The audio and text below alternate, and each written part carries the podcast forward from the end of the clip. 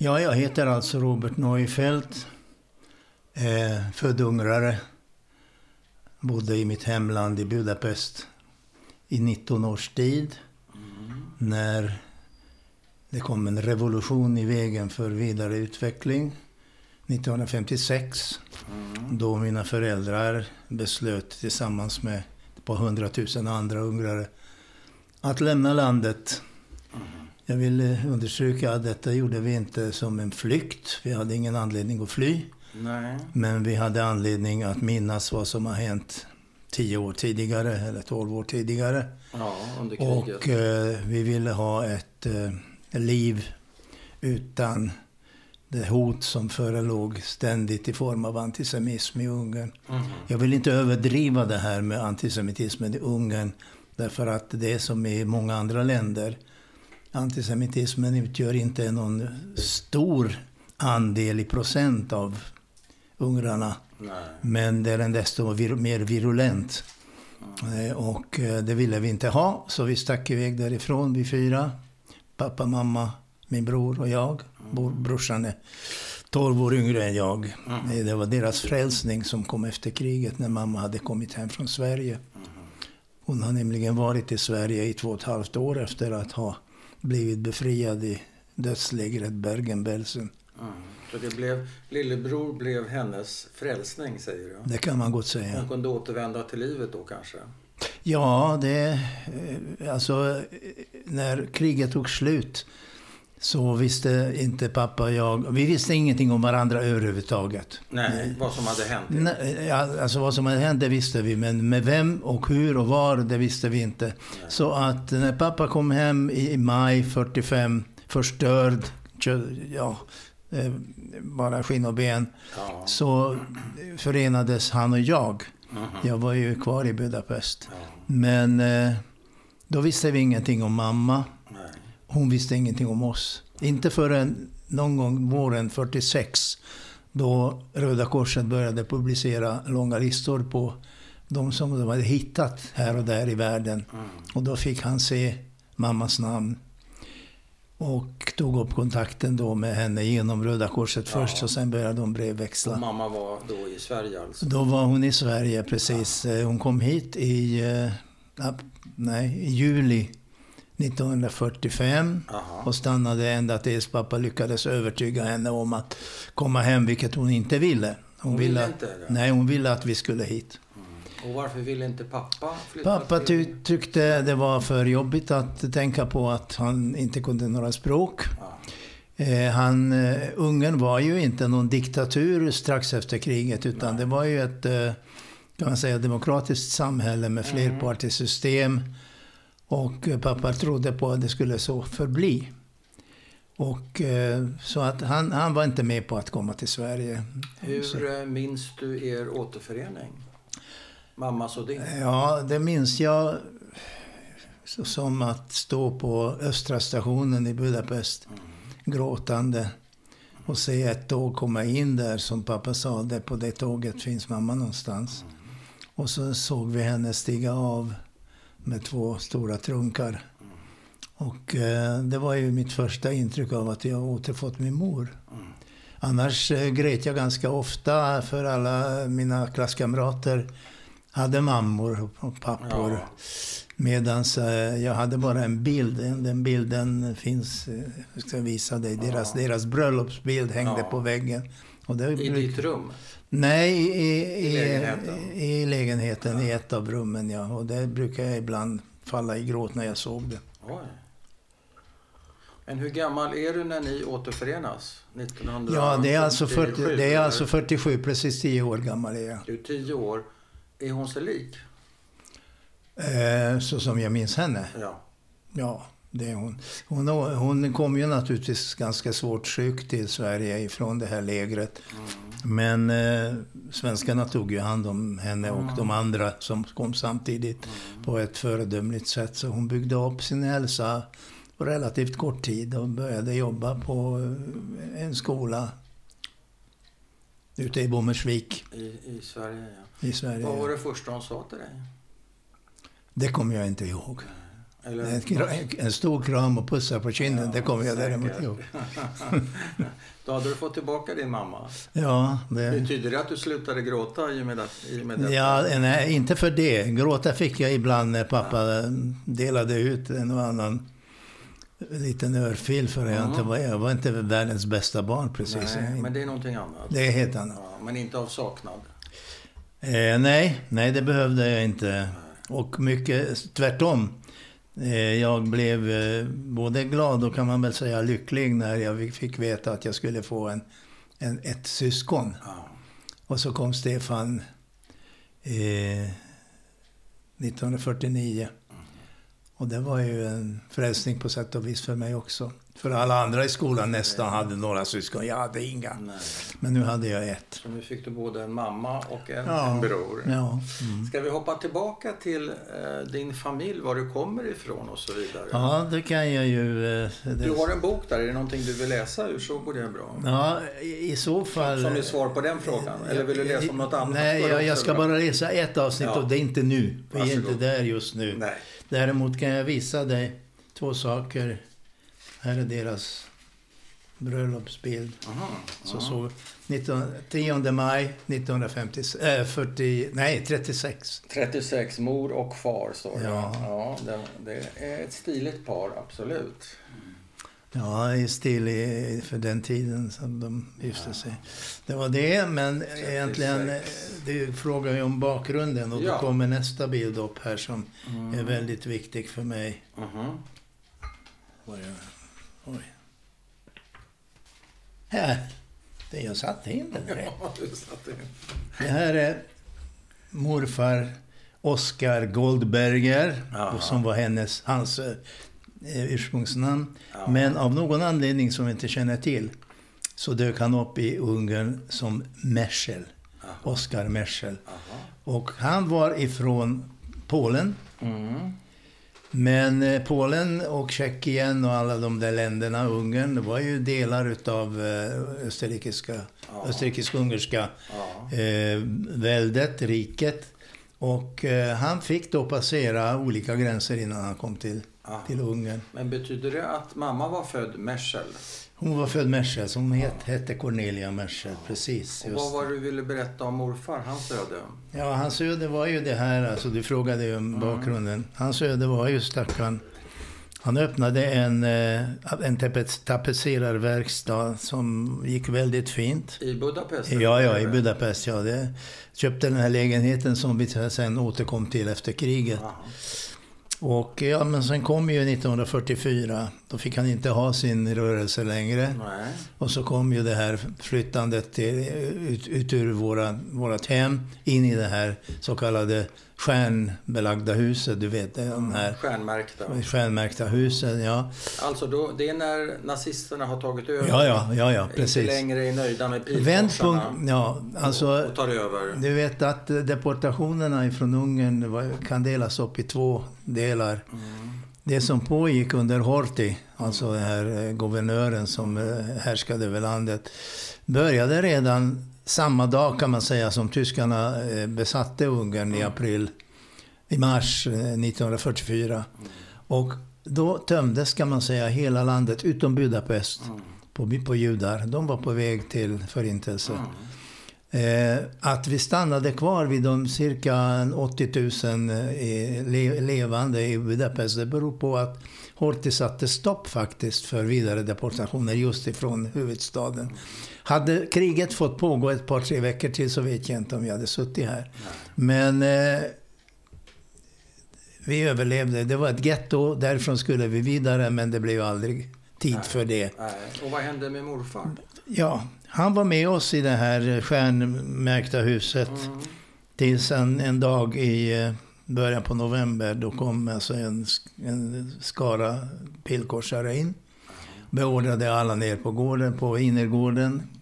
Särade på oss så att kvinnor och barn stannade männen ut. Och de sköts direkt där utanför. Så när vi sen skulle vidare därifrån, eh, för vi skulle också ut därifrån, så såg mamma honom liggande där i sin blodpöl.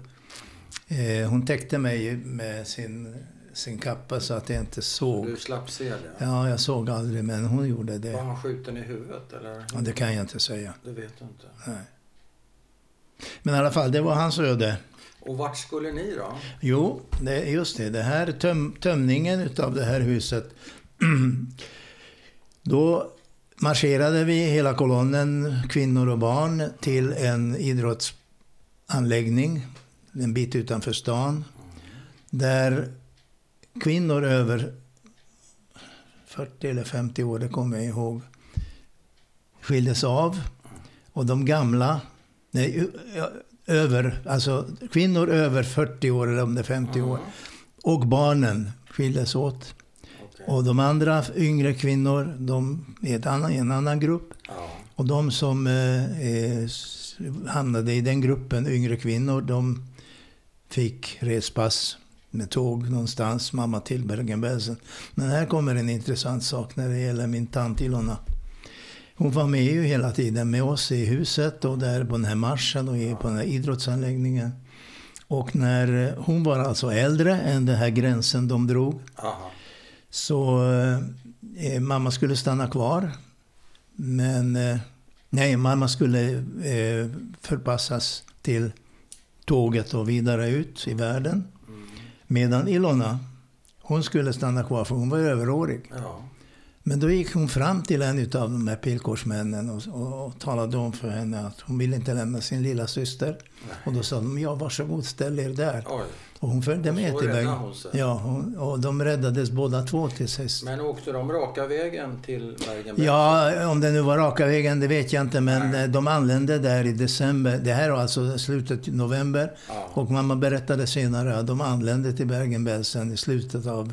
Nej, i mitten av eh, december. Ja, så det de tog, en, tog tid. kanske. Du vet, det, det är ju känt att de här tågen kunde ibland stå i Ja, dagar och, ja. och, och vänta på... Man kan ha hamnat i ett uppsamlingsläge. Men två frågor, Robert. Ja.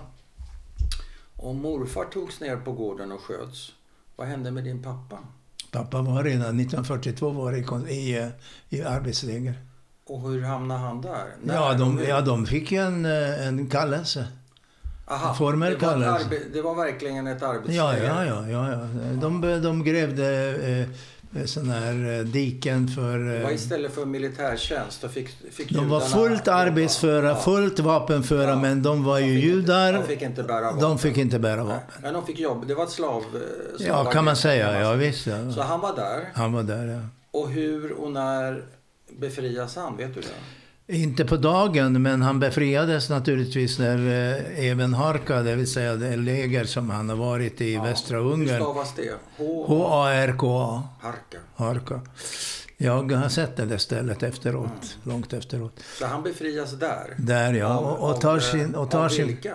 av, av vem? av ryssar. Av Det är ju ryssar. som eh, vältrar över Ja. Tyskarna han, där. han, han befrias av ryssen. Ja. Ja, och sen ger sig Och han sig iväg. Ge, han sig iväg. Ibland på en kärra dragen med Ja. en häst eller en Ja. åsna. Ja. Ibland till fots. Ja. Och han har jättesvårt för han har inga krafter kvar. Men hon, han berättade för mig att en och annan bonde gav honom något ägg, bit bröd. Och han kom till, till Och Ungern. hur lång är, till, till Budapest. Hur lång är den sträckan? Vet du det? Ja, det skulle en 18 Cirka. mil. Mm. Och vad hände med pojken Robert då? Ja, Robert eh, överlever som sagt eh, i gettot tillsammans med farmor. Eh, den, Vänta ett litet tag. Vilket getto? I det här eh, då, Det eh, stod- stjärnprydda huset? Eller nej, nej, nej, nej, det var inget getto. Du hamnade var, ett Nej, Ja. du och farmor hamnade i ett getto. Ja, just det. 80, Bara ni 80 000. Ja, bara vi två, familjen. Men det Nej, var ju... Men du måste förklara händelseordningen här. Pappa är i Harka i ett eh, arbetsläger, det förstår Sen, för, sen 42.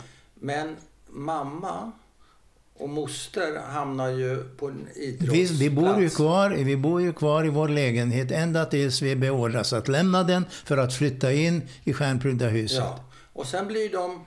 Pappa, sen blir morfar Dödad. mördad. Vi, blev, eh, vi, vi blir eh, utan, utkommenderade till den här idrottsplatsen. Även du och farmor? Ja, ja, visst. Okej. Det, var där som, som där- jag fick stanna med min farmor. Och därifrån går vi en gåsmarsch till gettot som redan är upprättat. I Budapest sju, sjunde getto. distriktet, ja. Okej. ja. Då så hamnade jag där. tillsammans med... Men varför, varför skickas inte farmor till Bergen-Belsen som gammal? Hon är överårig. Hon är överårig. Så hon, hon har ingen plats? Och hon har, nej, alltså det är två grupper på... Ar- Så ni ska, på ni ska till gettot för att senare avrättas? Är det idén? säkert är det planerna, men... Okej. Så ni hamnar där. Ja, Går ni dit? ja, vi går i en gåsmarscha, Och vad precis. säger farmor? Jag vet inte ja, vad hon säger då. Det har jag ingen aning om. Däremot är hon väldigt duktig på att eh, se till att jag eh, har någorlunda eh, ja, bra så mycket det kan bli. Ja. På vilket vi, sätt? Får ju, vi får ju, det här kan man ju kommer att läsa i den här, Ja. beskriver väldigt tydligt. Vi får ju 20 gram bröd per dag och skaft. 20 gram. 20 gram, ja. Och, eh, och det Vad är i är alla fall Är en det en skiva, skiva? en skiva, en skiva så här Det är en skiva. Och så kommer det från något håll en, en sorts sluring, soppa. Jaha. Som eh, med, med bönor eller eh, ärtor, det är olika. Och eh, då, då särar hon på väldigt noga på att jag inte ska vara, inte ska äta för mycket av bönorna eller ärtorna utan mer av själva soppan. Så att inte jag får något problem med magen. Och det är säkert, säkert väldigt bra tänkt. Och jag hade tur och den turen har jag fortfarande. Jag har dålig aptit. Jag, jag äter inte upp mig, jag har ingen Nej. Ölmage och sådär. Och, och, och, och jag, jag kommer ihåg på gettot, en dag började en pojke, kanske lika gammal som jag, för jag har aldrig sett honom, ropa på sin mor. Mamma, jag är hungrig. Ja. Högt så att alla hörde i det huset där vi bodde. För gettot var ju stort, va? så det var ju många hus. Men jag behövde aldrig ropa på min mormor, äh, farmor att, att jag var hungrig. För jag, jag var inte hungrig. Nej. Hon gav mig det som hon själv kanske inte åt upp, men jag klarade mig. Ja, detta om detta. Om detta. Vad, vad minns du mer av, av livet där i gettot? Hur länge stannade ni där? Och... Vi lekte, vi barn, det var många barn Ja. där. Vi lekte och vi brydde oss inte så mycket om att det var pilkorsmän här och eh, det var plank som man inte kunde gå igenom. Nej. Förekom det våld? nej, inte så mycket jag Inga såg. mord? Inga... Nej, däremot, däremot mot slutet när eh, den 18 januari befriades ju Budapest av ryssarna. Och då började vi gå ut. Och eftersom det var dåligt med vattenförsörjning så fick jag gå med en hink och hämta vatten i ett annat hus där vattnet fortfarande rann. Och då fick jag kliva över lik. Så det är första gången i mitt liv jag såg någon död människa och det var rätt många. Men det är alltså striderna utanför som gjorde det. Där var det inga judar som dog där. En del dog säkert i gettot men... eh, Och farmor och du, ni var kvar fram till befrielsen? Ägg- Just det, och samma dag som eh, den 18 januari som eh, befriades, där kom det ryssar i källaren. Det var ju bombningar då. Ja. Så att eh, de allierade bombade Budapest. Aha. Och vi fick gå ner i källaren var och varannan gång som det Ja. var den här sirenen som började Ja. Eh, ljud ifrån sig. Eh, och eh, en vacker dag, det var den 18 fick jag veta sen. 40 Då kom, 18 januari 45. ja, Mm. då kom eh, ett par ryska soldater ner i källaren och ropade Niemetski och Pushki. Och sen fick de se vilka stackare som satt där. Så Vad de, betyder det? ja, Niemetski det är tyskar. Pushki det är alltså vapen, eh, gevär. Och eh, det hittade de ju naturligtvis inte. De hittade några gamla judar som höll på att dö. Och då stack de därifrån och då förstod vi att det var alltid någon som gick ut och tittade och så kom han ner, det var en gammal farbror och sa det att de är inte här längre, alltså pilkorsmännen. Och då gick vi ut. Nåväl, när jag gick och hämtade vatten då såg jag liken. Men det var soldater och det var några civila som föll i Och striden. vad gör ni då, då, farmor och du, när ni Ja, det är ju en särskilt kapitel. Samma dag som den här befrielsen äger rum, den 18 januari, så får hon en trombos i ett ben. Oj. Så de förpassar henne till ett sjukhus där det egentligen inte finns... re- Läkare kanske fanns, men definitivt ingen medicin. Nej. Så hon kom aldrig därifrån. De dog någon dag efteråt eller Hon någonting. dör någon dag efter befrielsen. Men sen kom min... Och då är du själv där? Ja, en, en dag. Dagen efter dyker min far, farfar upp. Han har Ja. också bild här. Och var kommer han ifrån? Ja, det har jag tyvärr ingen aning om. Nej. Han berättar inget sånt, utan han säger bara Robert, eh, din eh, farmor har dött, det vet jag. Ja. Och så går han med mig till en gammal släkting, avlägsen släkting, Aha. där jag får stanna några veckor och så kommer ytterligare en släkting, tant Katalin, Ja. och tar mig till sig, där jag får stanna ett par månader. Efter, Men en, ett par frågor. Ja. Hur hittade han dig? För ni, det, ni Jo, alltså, hon, där i gettot? han kom aldrig att... Han, han var aldrig på, i gettot. Nej. Han gömde sig. Det fanns massa judar som gömde sig. Ja. Gö- Gömdes av, av kristna. Ja, gömdes ute på av, landet eller? Ja, nej, oftast i stan. De kunde, Men hur hittade han dig i gettot? Jo, alltså han visste ju om farmor. Aha, Vart- var hon bodde? Ja, just det. Och, eh, och då följde han upp på något Okej. vis. Han kom fram den 19 eller 20. Och en annan fråga. Var, var du rädd ofta medan kriget pågick? Nej, Nej. nej, nej. Nej, jag, jag förstod inte vad som pågick. Nej. Jag tog hennes hand, mammas först, sen farmors. Farmors. Och det var okej för dig? Ja, alltså jag hade tur på det viset. Idag är jag också en sån där fatalist. Ja. Kesera, sera, det som ska ske, ska ske. Eh, Jag försöker på, påverka, men eh, inte alltid jag kan. Men det, det var en bra egenskap för dig i den situationen? Jo, det är därför jag kan tacka alltså dels min eh, fysiska kondition, men också den här inställningen till livet att det går att leva. Ja. Mm. Okej, så du, du förpassas till lite olika släktingar? Och Ja. Vad, Och till sist hamnade jag på ett eh, eh, hem för föräldralösa barn. ja. Ungefär någon Du, gång i du april. betraktas som föräldralös alltså? Ja, det det är klart. Jag kan inte visa upp några. Nej. Pappa Och är hur ju... gammal är du nu då? Är... Ska vi se, jag är åtta, nio, åtta, Ja. åtta år Ja, ungefär. du har Ja, blivit föräldralös. ja. Och... Och vad Eh, minns du av det hemmet? ja, jag, jag minns rätt mycket. Du gör det? Eh, Jag minns, minns huset, det var en stor villa egentligen och Ja. jag vet gatans namn. Och, eh, Var, nej, det, var det några du kände när du nej, det, nej, det var, nej, det var fullständigt Och okändiga. det var judiska barn och icke-judiska barn? Nej, och- inte icke- icke-judiska vet Det var jag inte. bara judiska barn? Förmodligen ja. ja. Och kommer du ihåg någon personal? Kommer du ihåg någon... Ja, det fanns ju och det var ganska de magra, för, magra förhållanden därför att vi Ja. hade dåligt med mat. Aha. Sen var det ju större pojkar som var ju ganska grymma mot de mindre. Det är så. Ibland fick jag en, en fluga i min mat så jag kunde inte äta den. Och då var det den som har kastat in flugan som tog maten och åt upp den. Sådana saker förekom Fick ju, du tyvärr. Fick du stryk? Vi, nej, det hände ibland, men det är inget som... Inget blodvite. Va? Ingen blodvite. Du är, du är tuff. Personalen, var de snälla? Ja, de gjorde sitt jobb. Jag vet inte. Jag, jag, det var likadant där, förstår Men du. Att, saknar du något eller någon där? ja, jag saknade naturligtvis mor och far. Men, gjorde du, ja. ja, visst, det är klart. Grät, du, grät du där då? Kanske, kanske, det kommer jag inte ihåg. Och hur länge pågick det här? Ja, jag ska tala om för dig hur länge det pågick.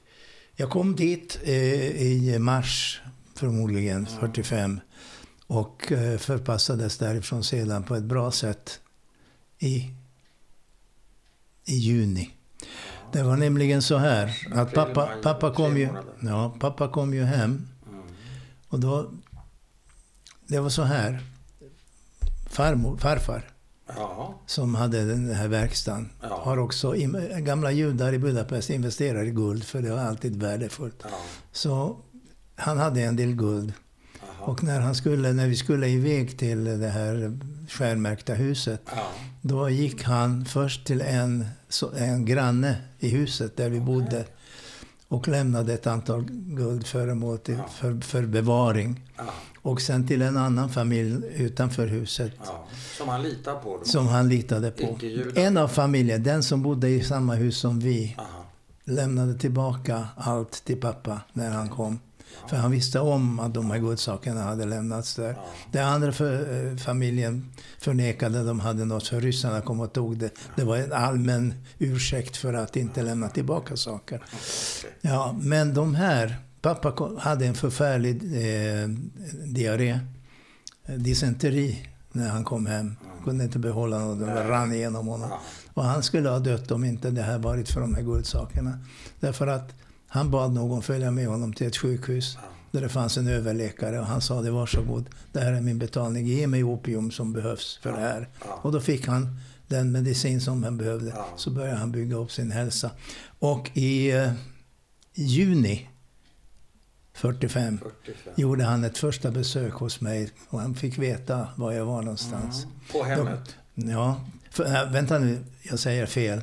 Tidigare Han kom hem i maj. Och när han hade kommit hem, den personen eller den familjen som hade sedan läm sedermera lämnat tillbaka de här guldsakerna. Tanten där, alltså kvinnan, tog mig i hand och uh, ifrån det här hemmet där jag var och gick hem med mig till vår lägenhet, eller till hennes egentligen. Och så öppnade hon en dörr och där låg någonting. En, en, en, ett, ett skelett med brunbränd hud och eh, ett konstigt leende som jag inte kunde placera. Så jag föll, föll i gråt. Jag visste inte vem det var. Nej. Men hon talade om för mig att det här är min pappa. Oj. Och, och, och han, jag kände inte igen honom. Han var så sjuk? Han var väldigt sjuk. Men sen kommer det här med att han byggde upp sin hälsa för han fick ju medicin. Och i juni kom han på besök till mig. Känner du igen honom då? Ja, då var han i alla fall nära nog som på bilden. Inte ja. riktigt, men nära nog. Ja, och det som är speciellt ihågkommet av mig här för det mötet, det är att när vi, han tog mig på en promenad ute i Stadsparken som inte låg långt därifrån. Och eh, vi satte på en bänk och så tog han upp ett paket ur sin ficka och så vecklade han upp pappret kring paketet och det var två smörgåsar mm. med eh, tunna skivor utav redisor lagt på. Han visste att jag tyckte om det. Och då frågade jag honom om jag fick äta det här, för han lade det framför. Och han grät och han sa det. Det får du. Sen dess är det min absoluta favorit. Smörgås. Vanligt bröd, smör och, ja, och redisor. Skivat. Ja. Ja, vad fint. Så är det. Vad snällt av honom. Ja, och sen så småningom så var han så bra så han började arbeta. Ja. Han eh, gick till ett eh, bageri och körde ut bröd för det här bageriet. Sen ja. var det flera bagerier ja. körde ut bröd. Och tjänade så mycket så han kunde betala våra kostnader. Ja. När jag började gå i skolan... Flyttar, eh, ursäkta Robert, flyttade ni tillbaka till er ja, gamla lägenhet? just det. Var, den ligger... plomberad? Eller nej, nej, bra fråga. Inte så, utan det är så många som har förlorat sina lägenheter ja. i Budapest ja. genom bombningarna. Ja. Så att eh, eh, myndigheterna ordnade så att de fick lägenheter som blev fria. Och vår lägenhet, det var en ganska stor trerummare. Eh, där var det en familj som bestod av en, ett äldre par, deras dotter och en liten, liten pojke som föddes precis då. Och de hade två rum det tredje rummet, där har de föst in våra gamla möbler och det stod träda. Ända tills vi kom fram. Så pappa och jag flyttade in i det rummet. Det rummet. Ja. Sen när mamma också kommit hem, under tiden dog dottern till det här äldre paret. Då fick vi två rum och de ett. Eh, så att vi hade en boplats. Och när jag började gå i skola så betalade pappa en vecka eh, en veckas mat för mig på en liten restaurang som låg alldeles vid hörnet. Och där fanns en gammal judisk farbror som hette Alfred. Och han visste om det, han fick pengarna, han kanske fick lite extra också.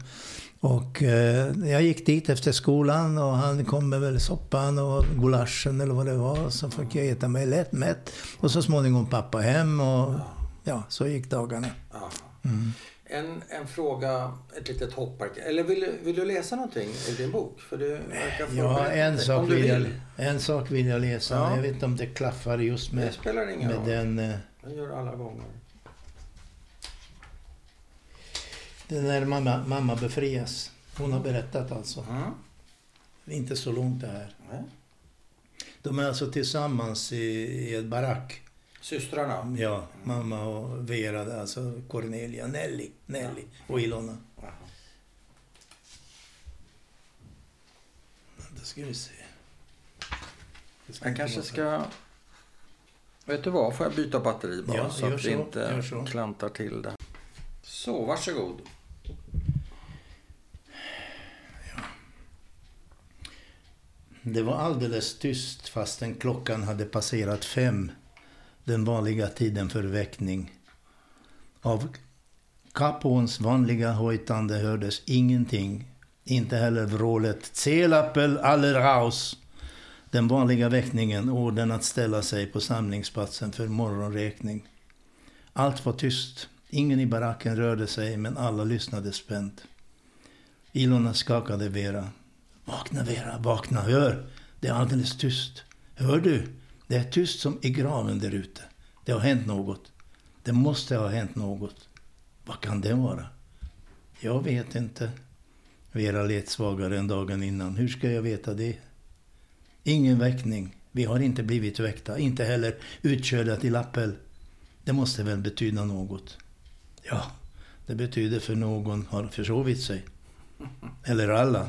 Både Kapon och tyskarna. Vera satte sig upp. Det låter ju inte klokt. Nej, varken klokt eller möjligt, såvida, såvida det inte längre kan kalla oss ut för att något har hänt. Sa du inte att Susanne grät igår? Ja, hon grät som ett barn som vet att det ska få smisk. Ilona, ge mig min hand, ge mig din hand. Håll den ända tills vi vet vad som händer. Jag vågar inte hoppas, men om du håller min hand, min hand då vet jag att allt hopp inte är ute. Mm. Nu vänta, det här är, sen går jag fram för att det är rätt mycket som är skrivet, men det kommer ett som jag absolut måste läsa upp för dig. Det är när eh, kanadensarna kommer fram till lägret. Mm.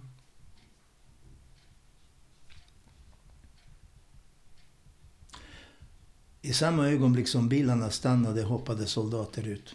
Det spred sig ut i, spred sig ut sig i terrängen. Några av dem ställde sig bara några meter från porten där de blev, förblev stående med vapen pekande mot marken. De betraktade sceneriet med gapande mun. Veras knän gav med sig. Hon hängde på illorna. Hon kunde inte ta sina ögon från fordonen och hon kände sin mage dra ihop sig i sin kramp så smärtsam att hon trodde att hennes sista stund hade kommit.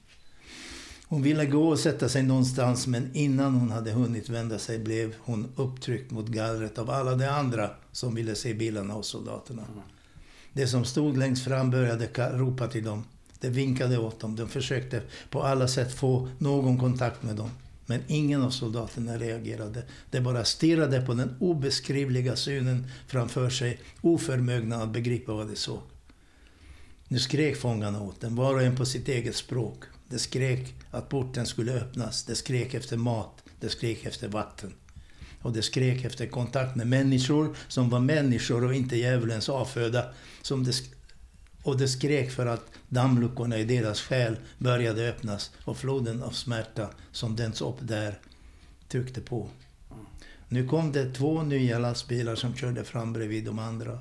Flera soldater hoppade ut med kulsprutepistoler skjutklara. Men det stannade liksom det tidigare och tittade förfärat. Utom två. Dessa bröt sig genom leden och kom fram till porten. Två starka unga män, den ena lång, den andra kortare, båda lika viga. Den långa hade en liten stickad kalott på gässan, fastsatt med en hårnål.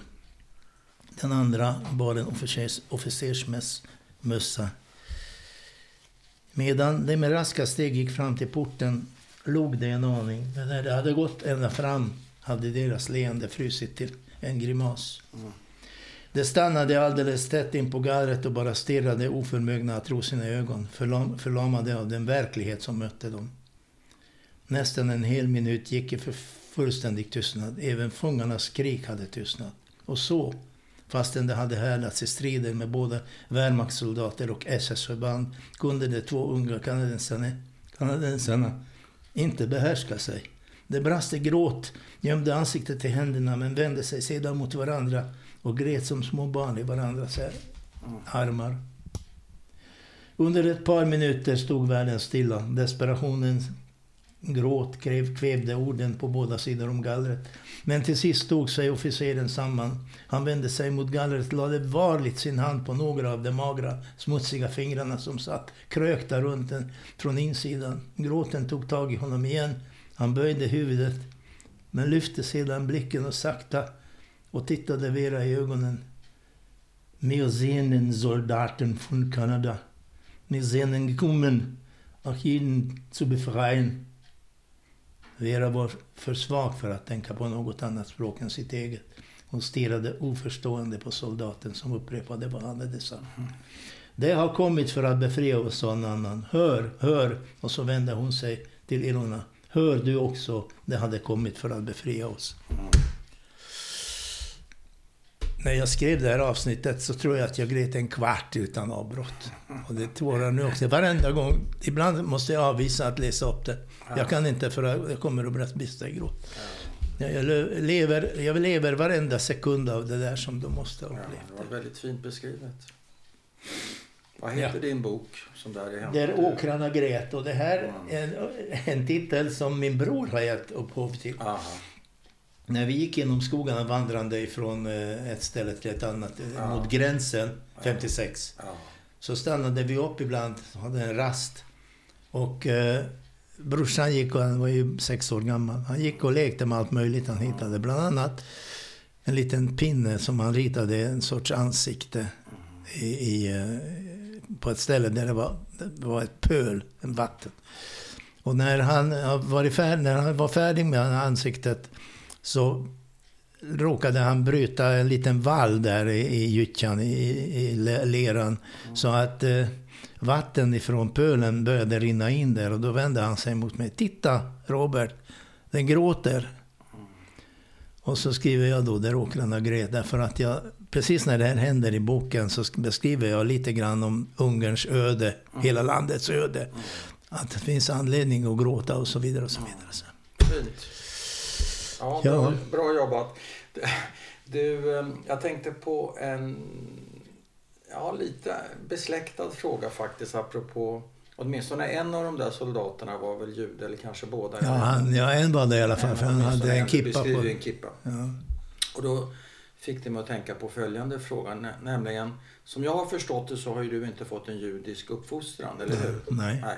Men du säger att idag har du en väldigt stark judisk identitet. Och då undrar jag två saker. När började du få din judiska identitet och hur har det gått till? Om det går att bena, bena upp en sån ja, fråga. Alltså, den judiska identiteten eh, fanns ju hela tiden. Jag är född jude, båda mor och far var judar. Alltså ja. jag är född jude. Så identiteten var ju aldrig ifrågasatt. Bara det att eh, på det sättet som en del av mina fränder upplever sin judendom, ja. går till synagogan ja. åtminstone på lördagen. Ja. Fredag kväll är den vanliga ja. ceremonin och sånt där.